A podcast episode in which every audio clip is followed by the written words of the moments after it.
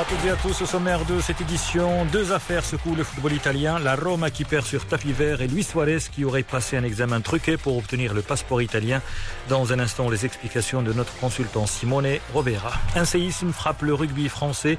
L'état-major de la fédération, le président et son adjoint notamment ont été placés en garde à vue. Et puis tennis, ça sera difficile cette année pour Rafael Nadal à Roland Garros. C'est l'ancien champion allemand Boris Becker qui le pense. Le football au Maroc d'abord, Saïd Chiba a été démis de ses fonctions d'entraîneur de la renaissance de Zmamra. La raison, les propos que le technicien marocain a tenus après la défaite face au WAC deux jours en championnat.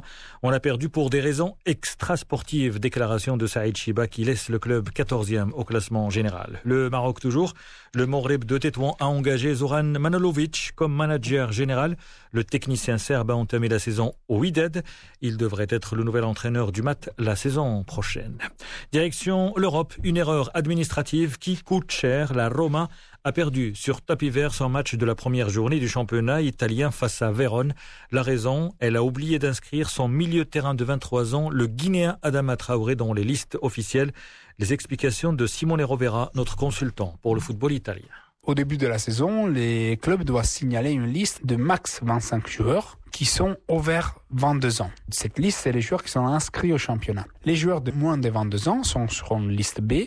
Diawara, l'année dernière, avait 22 ans, il a fait 23 dans l'été, et la Roma a oublié de l'inscrire dans la liste A, on peut dire, et la laisser dans la liste B avec les joueurs de moins de 22 ans. Ça fait une erreur technique, c'est une situation plutôt catastrophique qui va coûter la place au secrétaire du club, coupable d'avoir euh, oublié d'inscrire euh, Diawara dans la bonne liste ou plus simplement coupable de ne pas avoir signalé l'anniversaire de son joueur. Adama Traoré a eu 23 ans le 17 juillet dernier. Toujours Simone en Italie, une autre affaire.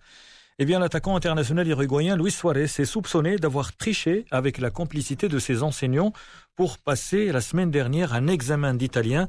Ce diplôme d'italien était une première étape pour obtenir un passeport italien bien sûr, document indispensable avant un éventuel transfert de la star du FC Barcelone vers la Juventus de Turin, une opération abandonnée depuis des écoutes téléphoniques euh, où les professeurs disent que Suarez n'a pas le niveau. Donc la question qu'on se pose en Italie est est-ce que l'université a été mandatée de faire passer l'examen à Suarez? Qu'il y a derrière? Pourquoi? Comment? C'est une chose un peu étrange. C'est un examen qui en théorie doit durer plusieurs euh, minutes, voire une heure. Suarez est resté à l'université une trentaine de minutes selon les accusations. Il avait déjà les questions, les réponses et la note même était déjà attribuée avant que les joueurs rentrent dans l'université. Simone Rovera, notre consultant pour le football italien. Une dernière information concernant le football européen. Ils étaient 1300, mais finalement, ils ne sont plus que 500 supporters du Bayern Munich à faire le déplacement à Budapest pour assister jeudi prochain à la Super Coupe d'Europe contre le FC Séville. Les 800 autres supporters allemands ont renoncé. La raison, la situation sanitaire s'est aggravée en Hongrie.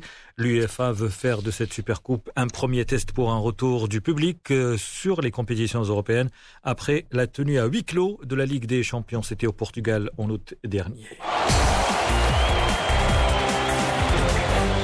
C'est un coup de tonnerre dans le monde du ballon ovale français. Cinq hauts responsables de la fédération ont été placés en garde à vue. Bernard Laporte, le président de la fédération, son vice-président, le patron du comité d'organisation du mondial 2023 prévu en France et aussi un homme d'affaires, patron de Montpellier et également sponsor des Bleus.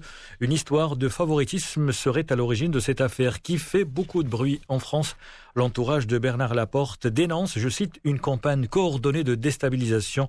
Cela intervient à moins de deux semaines de l'élection à la tête de la fédération. Bernard Laporte est candidat à sa propre succession. Une dernière information concernant le tennis. La légende allemande Boris Becker estime que Rafael Nadal aura plus de mal que d'habitude à s'imposer cette année à Roland Garros qui débute dimanche prochain. C'est le grand rendez-vous sur terre battue. La raison, son manque de compétition. Il est mon favori numéro un, mais la différence entre lui et les autres joueurs est moins grande cette année que d'habitude, a estimé l'ancien champion allemand qui a gagné six tournois, bien sûr, du Grand Chelem. Nadal, qui n'a pas participé à l'US Open et a joué peu de tournois, n'est pas dans le rythme habituel pour Becker, 12 fois vainqueur de Roland Garros, dont trois fois d'affilée ces trois dernières années. Nadal a été éliminé samedi à Rome en quart de finale par l'Argentin Diego Schwartzmann. Pour Becker, les deux grands favoris sont l'actuel numéro un mondial, le Serbe Novak Djokovic, qui a remporté hier le tournoi de Rome, et aussi eh bien, l'Autrichien Dominique Thiem qui a remporté le dernier majeur, c'était aux États-Unis. C'est la fin de cette édition. Merci de votre fidélité. Excellent début de soirée à l'écoute de Média.